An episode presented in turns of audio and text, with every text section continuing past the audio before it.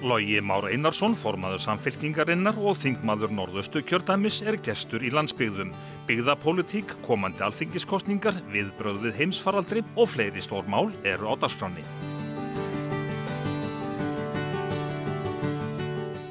Logi, eh, samfélkingin 20 eh, í byrjun mæ, samfélkingin má fara í, í ríkið. Já, nú er samfélkingin konar þann aldur og hún má fara í ríkið. Eh, samfélkingin er þó hún sé 20 ára sem er ekki háraldur þá er þetta eldgamalt bann við eigum auðvitað ræktur langt aftur byrjun 20. aldarinnar margar reyfingar sem hafa barist fyrir kjörum launahólks í landinu sem var runnuð svo á endanu saman árið 2000 í eina stóra reyfingu Í afmælis ávarpi þínu til flokks og fólks þá saðist þú ég hlakka til að ræða auglíti til auglítis við flokksfólk og ræða framtíðina. Eh, ég, það er skamt í kostningar mm. til þess að ég auðlast völd og ná fram markmiðin sínum þá er eitt líkilatrið að vera í ríkistjórn. Það er alveg rétt. Þar nærðu auðvitað mestum áhrifum.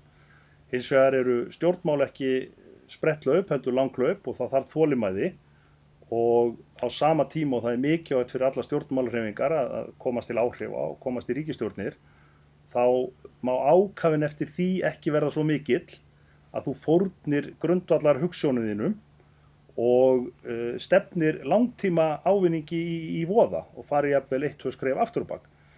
Uh, við teljum að við þær aðstæður sem eru núna uppi bæði auðvitað e, gríðarlega erfið efnaðasmál í samtímanum og vegna þeirra líkilverkefna sem býð okkur til lengri framtíðar e, samfara aldursbreytingu þjóðarinnar, samfara nýri tæknibildingu og viðhorfum í samfélaginu þá skipti stefna samfélkingarna miklu máli skipti máli að hafa hann í ríkistjórn og við erum bísna bjart sín á það að okkur takist að vinna saman með öllum frá miðju til vinstri að því að mynda framfara sinna stjórn að loknum næstu kostningum. Þú ert arkitekt og talar mjög gerðnan myndi líkingamál mm. í, í þínu afmælis ávarpi þá já, líkið þú samfélkingunni við fljót sem að margar eh, kvistlir eh, renna í. Mm. er samfélkingin nógu já, ströym hart fljót út núna eitthvað í kringum 15% en ég mann þeir tölum upp í 30% Já, já, sannarlega hefur samfélkingin verið ströymharðari á e, og hún mun vaksa líka eins og ár geta gætna gert á Íslandi svona ástöðabundið Eh, við auðvitað getum ekki alveg borðið okkur saman kannski við þær tölur sem að voru hæstar hjá okkur einfallega vegna þess að flokkakerfi hefur breyst. Þáttaka fólks í stjórnmálum er með öðrum hætti en það var. Eh, möguleiki fólks til þess að hafa áhrif allt annað. Eh, en ég hef líka sagt að þó að markmiðið í upphafi hafi verið að stopna einn stóran flokk sem væri burðarafl og þyrti kannski einn flokk með sér í ríkistjórn að þá getum við náð bísna miklum árangri líka í samstarfi við flokka sem að hugsa líkt og við og þeir eru til staðar í íslenskri politík og ég held að við munum bara stefna á því að, á, á það að mynda ríkstjórn með slíkum flokkum. En það eru ég kvíslar sem að renna í samfélkingafljótið að hafa þær verið ofur gjarnar á að skapa ágreining sín í milli. Já, það er einfallega skemmtilegra að vera í félagskap þar sem að uh, svona breytt hugmynda uh, er mikil, jafnvel uh, þó það leiði til ágreinisannars lægið, aðalatrið er að við séum sammála um markmiðið og hvert við ætlum. Það er gott ef við getum svo málefnilega tekist á um leiðir að því. Þessa kvísla sem ég nefndi eru gamli alþjóðflokkurinn sem var þinglegur armur alþjóðu sambandsins, alþjóðu bandalagi sem var vinstri sinnaðu flokkur á móti hernum, eh, eins og kvennalistin sem hefur alltaf verið mjög stert afl innan okkar flokks og svo þetta svona fólk sem var kannski landlausara í vinstri pólitíkinni sem vann með Jóhannu Sigurðardóttur í þjóðvaka eh, en ég nefni ekki aðrar kvíslar sem að koma og fara og eru hluti af okkar reyfingu og verða, vonandi. Mér síndist samkvæmdi nýri skoðan á konu sem að gerð var núna bara í þessum mánuði að svona hlutfallslegt fylgi samfylkingarna það er uh, já, mest á höfuborgarsvæðinu. Já, uh, samfylkingin hefur í fyrsta lagi á þessu kjörtíðanbili sem að er mikið uh, fessi í sessi sem næst staðsta stjórnmála landsins. Það má leiða líkum að því að sá vöxtur sem hefur verið hjá okkur frá uh, hörmungarkostningunum 2016 hafi bæði verið þetta auki fylgi út um all land en ekki síður að það sé að koma tilbaka aftur fylgi sem við áttum mjög stert í svona stærri byðakjörnum landsins. Þú ert í svona núna að ljúka þínu fyrsta kjörtímabili og ert orðin formaður floksis. Það er í raun og veru bara örstutt í næstu alþingis kostningar. Mm. Á hvaða mið ætlað þú sérstaklega að róa? Já sko í fyrsta lagi þá hérna er ég nú reyndar á öðru kjörtímabilinu vegna þess að það var svo stutt fyrsta kjörtímabili. Þannig ég er að fara með þriðja mm. en hef ekki mikla reynslu svona í landsmálapolítikinni í tíma. E, samfylkingin mun auðvitað róa á sömu mið og hún hefur alltaf gert. E, tryggja það að hér á landi sé mikill jöfnudur sem er forsenda fyrir e, friðsamlegu, kraftmiklu og heilbriðu samfélagi Þannig að samfélkingin mun eh, leggja mikið í sölunar að við komumst út af þessari kreppu án þess að ójöfnuður aukist og að við getum svo stemt í framtíðinni að meiri jöfnuðu í landinu. Samfélkingin er líka mjög meðvituð um það að við erum á þessum krossgötum sem ég nefndi á þann, þar sem við þurfum að fara að taka mjög stórar og djarvar ákvarðanir. Eh, þær snúast ekki síst að því hvers konar samfélag við ætlum að verða. Við höfum lært það á þessari stuttu kreppu sem að uh, nú er samfara baróttunum veirunni að grunn þjónustan okkar skiptir alveg greiðarlega miklu máli. Við höfum líka lært það af henni og hörðum vetri að grunn innviður okkar er ekki nógu góðir. Uh, fólk uh, út um all land, það getur ekki einu sinni verið örugt með að hafa fjarskipti og ramagn í lagi. Við höfum líka lært það að atvinnuvegir okkar eru of hábreyttir. Við eigum vissulega mjög sterkar stóðir sem við þurfum að hlúa að, sem er sjáarútvegur, matvælaframlegsla, landbúnaður og svo ferðarþjónastæða. En það að vera með fáar greinar og jafnvel eina svo stóra sem ferðarþjónastan hefur verið, sem hlutfall af landsframlegslu, hefur gert okkur viðkvæmari fyrir áföllum af þessu tægi. Þannig að samtímis sem verðum að halda þessum greinum stöðum og sterkum áfram, þá verðum við að fara að byggja undir nýjar stóðir, við þurfum að fara að byggja undir uh, nýsköpun og atvinnugreinar sem byggja meira á hugviti en ekki bara fullvinnslu grunn náttúru öðlinda. Þannig að við munum alveg öruglega bóða uh, átak og stórsókn í, í, í mentamálum uh, til þess að Ísland sem er svona landfræðilega langt frá öðrum löndum uh, sem að uh, hefur fáar hendur til þess að leggja til framlegslunar að það færi sig yfir meira í greinar sem eru óháðar staðsetningu og óháðar fjölda handa. Það er að segja að framlegsla sem byggir á nýri tækni, ég tala nú ekki um stafrætni vöru, hún er að mörguleiti henduri fyrir litla fáminna þjóð. Það er ekki neitt kólefniskostnaður við það að fara með vöruna til útlanda. Eh, það tekur ekki langan tíma og við getum í rauninni framleitt nánast endalust magn af vörunni án þess að vera sko háð fjölda fólks. Þú hefur útilokað sjálfstæðisflokkin sem samstarfsflokk gerði það í, í síðustu uh, kostningum. Mm. Uh, stendur það enn?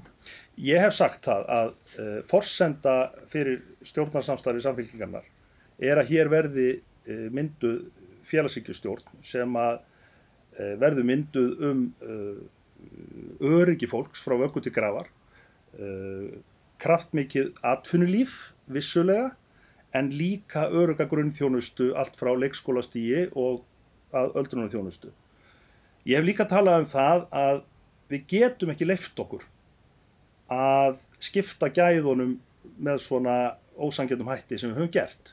Þá á ég ekki bara við launajöfnuð, hér ríkir sem betur fyrir mikill launajöfnur með að við margar aðra þjóðir, hins vegar erum við að horfa upp á að auðurinn er sífælt að færast á færri og færri hendur og svo er ímis annar ójöfnuður sem er yfirleitt ekki rættur. Uh, til dæmis hef ég nefnt að uh, einstaklingu sem er 20 ára gamal og hefur ekki langskólamendun hann getur vænst þess að lifa 5 árum stittur en sá sem er með háskólamendun. Uh, við sjáum það í písaransóknum að börn frá efnaminni heimilum og börn innflytjanda þau flosna frekar út úr skóla og svo að því að við sittum hér í þætti sem heita landsbyðir að þá þekkjum við bara þennan alþjóðlega vanda sem er vegna byggðar ójöfnuðar að uh, börn og fólk á landsbyðinni það getur síður vænst þess að eiga góða heilbriðistjónustu, geta sótt mentun, svo í talnu ekki um bara svona hluti eins og, og ramagn, vegi, fjarskipti sem ættu auðvitað að vera sjálfstæði, sjálfstæði grunnviður. Þannig ég held að næsta ríkstjórn verði að vera mynduð um það að jafna gæðum í samfélaginu og til þess þarf einfallega stjórn frá miðju til vinstri og sjálfstæðisflokkurinn og miðflokkurinn er ekki valkosti fyrir okkur í augnablikinu. Þannig að það kemur ekki til greina að mynda ríkistjórn þá með sjálfstæðisflokki eða miðflokki? Ég hef sagt að ég vilji mynda ríkistjórn með hinnum flokkunum. Og alls ekki sjálfstæðisflokk og miðflokk? Nei, nei, þeir bara, þeir þurfa þá að leggja um alveg sína stefnu til þess að það verði mögulegt. Þetta snýst ekki um það að, að, að hérna, að þessir flokkar eigi ekki að hafa tilveru grundvöld. Þeir byggja bara á allt öðrum hugssjónum heldur en við.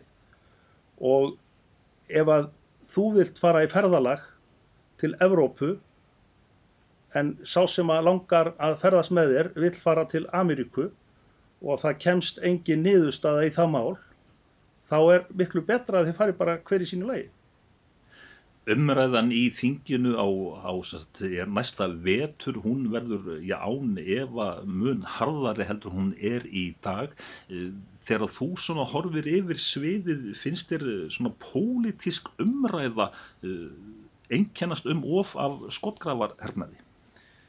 Mér hefur ekki fundist að núna í þessum faraldri. Uh, einfallega vegna þess að þegar þessi kreppa skellur á okkur, þá saminast þjóðin um uh, í rauninni að vinna bug á helvítis veirunni. Uh, stjórnaranstaðan mætti málefnaleg til leiks hvað það varðar að við vorum ekki að benda á ríkistjórnuna að segja þetta er ykkur að kenna. Það hefði verið fáránlegt. Þvert á móti sögðu við, við viljum leggja að mörgum og við höfum reynd að vinna inn í þinginu eins málefnalegu getum. Hins vegar get ég gaggrind ríkistjórnina fyrir að hafa ekki tekið útrétta hönd okkar og vinn unni þetta meira í samvinnu við okkur. Vegna þess að það er alveg ljóst að þó að við ráðum bug á barátunni gegn veirunni þá munu efnahas afleðingar hennar eld okkur inn í langa framtíð. Og það er einfallega bara betra að um svo erfiðar, floknar aðgerðir sem verið er ráðast í sé sem breyðastu samljómur. Eh, ég held að næsti vetur muni þess vegna bæði einkennast af tölurum átökum um þær aðgerðir sem við ráðist verður í og þá leið sem við viljum fara til framtíðar en ég held að hann muni jafnvel vera á málefnalugum nótum vegna þess að við þurfum að komast út úr þessu saman skotgrafa hernaður eða ekki skotgrafa hernaður ég held að ég held að það sé heilbrygt í opnu líðræðslu samfélagi að ólík sjónami takist hart á. Það getur gert án þess að umræðan sé meiðandi án þess að sé málefna rýr og án þess að sé í rauninni óforskömmuð. En ég held að svona heiðaleg rifrildi um leiðir til þess að skapa betri lífskjöru fyrir almenning sé alltaf að finna góða fyrir hérna okkur öll. En maður sér það nú svona af og til alltaf í umræðinni að stjórnar anstöðan hún sé frekar slöpp og bitlaus. ég held að stjórnaranstæðan sé ekkert slöpp, ég held að það eins verður að það sé rétt að stjórnaranstæðan er öðruvísi sem hún hefur verið, einfallega vegna þess að ríkistjórnin er öðruvísi en við höfum vanist. Eh, það er nú einu sinni þannig að það er ríkistjórnin sem að velu sér saman og í þess tilfelli voru það flokkur langt til vinstri, flokkur svona hægra með við miðju og svo hægri flokkur sem ákvaða velið sér saman og þá er það bara einfallega deginu ljósara að þeir flokkar sem eru eftir þeir eru líka mjög víða á litrófunu og það er ekkit launungamál og ég held að ég móðgi ekki forman miðflokksins neitt og ég segi að samfélkingin og miðflokkurinn eiga lítið samílegt og deila ekki grundvallar hugmyndum. Eh, við höfum starfað ágætlega saman núna allir stjórnarnarstöðu flokkarnir í þessari kreppu sem að vera nú að takst á um en ég held að sé útiloka að þessir flokkar tveir til dæmis eigi eftir að vinna saman í ríkistjórn til þess eru þeir einfallega ólíkir Þú ert ekki bara formaður samfélkingarinnar, þú ert líka þingmaður norð-östur uh, kjördæmis. Okkur Íslandingum ég fjölgar en hlutvarslega er fjölgunin langt mest á höfuborgarsvæðinu þar sem að samfélkingin sækir aðalega setti fylgi. E, í, er þetta ásættanlegt í þínu kjördæmi norð-östur e, bara er stöðnun? Nei, ég held að í fyrsta lagi vil ég nú taka fram að ég líti á mig sem þingmann alls landsins þó ég bjóði mig fram og, og gæti auðvitað líka hagsmuna norð-östur kjördæmis. Um, en nei, eins og ég nefndi áðan, þá er þetta alþjóðlið þróun, þessi byggðaröskun sem er, þar sem að fólk flytur úr sveitum yfir til borga og ég held að við getum álitið að um 2050 verðum 70% allra íbúa heimsins í borgum en ekki sveitum, það er gríðarlega breyting á 150 árum við erum löngum búin að ná þessari þróun á Íslandi. Hér er í rauninni eh, meiri samþjöppun fólks á einum stað heldur en í flestum ríkjum. Ég held að þú getur nefnt einhver fjögur ríkjum svo Panama, Kuwait, Djibouti og, og, og hérna Mongóliu eh, þar sem að um 70% þjóðarinnar er staðsett eh, á milli kvítar og kvítar og þetta auðvitað hefur í för með sér svona ákveðin vandamál borgir eru hins vegar mjög merkilega maskinur og eru þetta drivkraftur framfara þróunar geta leikið líkil eh, hlutverk líka þegar að kemur að aðgerðum gegn loftlagsbreytingum. Þannig að á sama tíma og við þurfum að standa vörð um uh, landsbyðnar, fjölbreytni þeirra og gæði okkar sem að kjósum að búa þar, þá eru líka sóknafæri í því að, að ráðast í uh, uppbyggingu á höfuborgarsvæðinu ég nefni til dæmis borgarlínu og eblingu almenningssamgangna og þéttingu byggða. Það þjónar okkur öllum á endanum. Og almennt er það þannig og ég lít þannig á að við ættum að geta náð samhljómi eh, höfuborgarsvæði og landsbyðnar um eh, framfarir fyrir okkur öll. Fyrir landsbyðnar skiptir það langmestu máli að hér séu grunn unnviðir góðir. Hér séu góða samgöngur eh, raforka sé af næ, nægu, nægu magni, góð fjarskipti og síðan getum við búið við öryggi sem er samfara góðri heilbriðis og mentaþjónustu. Þetta er okkar likil atriði mm.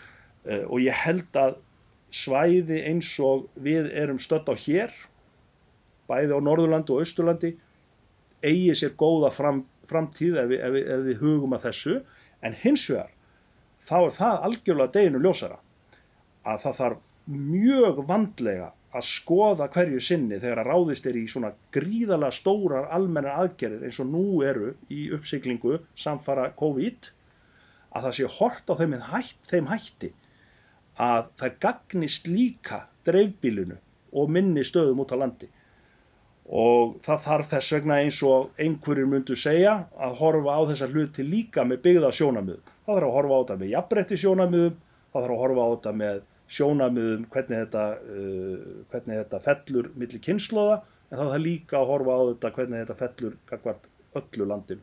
Í þínum heimabæi Akureyri þar sem að er, já, flesti segja allt til alls en þar fjölgar ekkert? Nei, það fjölgar ólítið Akureyri og, og, og hérna og það er ótrúlega, ótrúlega mikilvægt að við einhvern veginn reynum að, að, að, að hérna, snúa því við og ég held að það snú ekki bara ríksvaldinu, ég held að, að sveitafélagi og íbúarnir geti líka svona lagt meira mörgum. Ég held að ríkið geti komið miklu myndalegar að þegar það kemur til dæmis að samgöngum.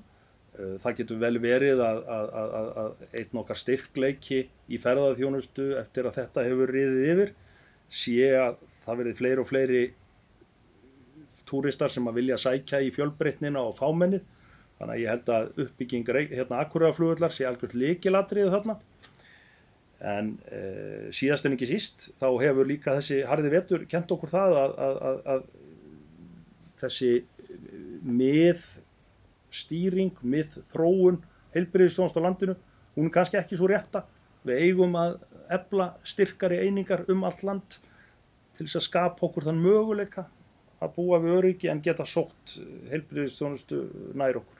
Þú talar eh, um þessa stóru ákvarðanir sem að eru þeir að taka núna þessi misserinn í kjölfar heims faraldusins og mikilvægi þess að ja, byggðaglerun síu uppi en svona í gegnum tíðina er þetta sjónamið að, svona, að, að verða sterkara og eru byggðaglerun oftar uppi eða kannski í ferritilvíkum? Já, sko ég, ég held að við séum svona ákvönu vatnaskilum hvað þetta varðar og ég tek það nú fram sko að mér finnst á engan hátt hægt að segja að uh, þingmenn uh, Reykjavíkur kjördamanna eða Suðvestus kjördamis séu með minni skilning á þessum hlutum heldur en við hinn. Ég held að fólk séu ofta teflu hlutónum og einfaldri hátt heldur en þeir eru. Við erum auðvitað fyrst og fremst öll þingmenn landsins og við þurfum að ræða okkur til sáttar í þessu. Ég held já að fleiri og fleiri séu að átta sig á því að byggðarójöfnuðurinn hann er ekki engöngu vandamál landsbyðana heldur er þetta líka skapast erfið, er, er, erfiðleikar sko á sjálfu höfuborgarsvæðinu þannig að ég held að það sé betri tími nú en oft áður til að við getum náð einhverju svona stóru já stóru, hvað er stóri sátt um, um, um hérna eblingu alls landsins. Það eru mikla tækni framfarir í farðvatninu sem að geta, blik, sem, sem að geta bitnað á eh, landsbyðunum, þessum fámennari stöðum. Hvar svona blikka gölu ljósin og hvað eru sóknafærin? Já, ég held að sko það ligg ekki síður sóknafæri í tæknibildingunni fyrir landsbyðina heldur en, heldur en hættur. Eh, það þarf eins og að skilgreina hvoru tvekja. Ég held til dæmis að sá möguleiki að einstaklingur og ung fjölskylda getur valið að flytja og búa í Mývasveit eða, eða vestfjörðum og, og vinna við framleiðslu í Reykjavík eða öllum heiminum skapi alveg einstaka stöðu. Þannig að ég held að tæknibildingin geti skapað Íslandingum ótrúlega tækifæri ef við nýtum það, skilgreinu það rétt. E, á sama hátt og ég nefndi að hún getur skapað Íslandi öllu gríðarlega mikla möguleika akkord um heiminum.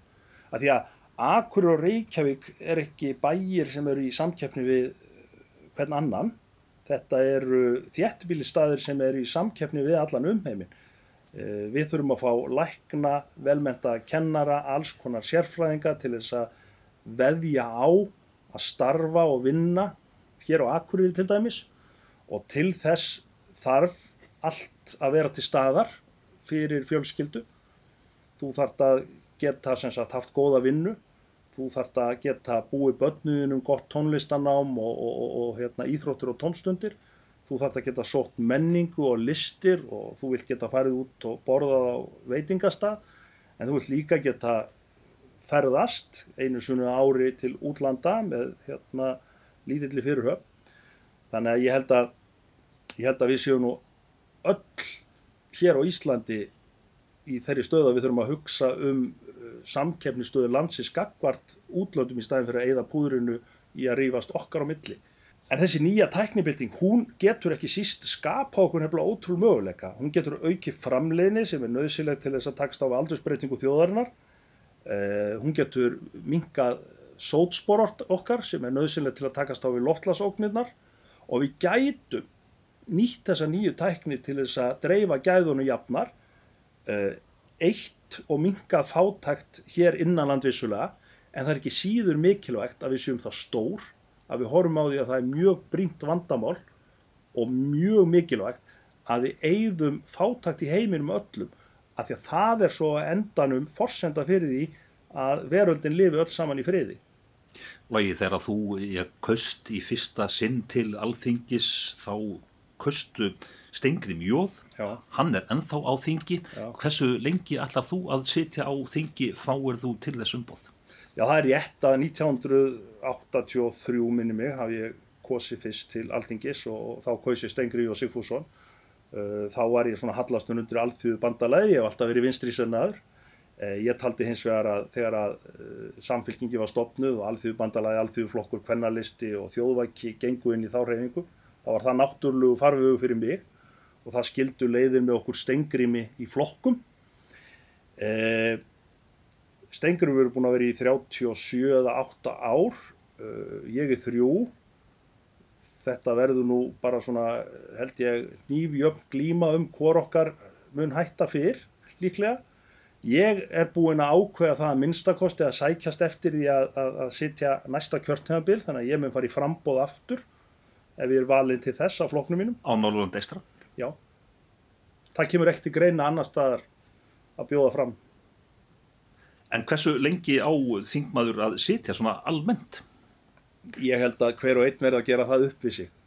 Eh, ég hef sagt að það er að mörguleiti ágætt að uh, þingmenn siti nógu lengi til þess að þeir uh, öðlist reynslu og læri þetta starf jafn vel og, og, og, og fólk þarf bara almennt að gera þegar það fer í nýja vinnu.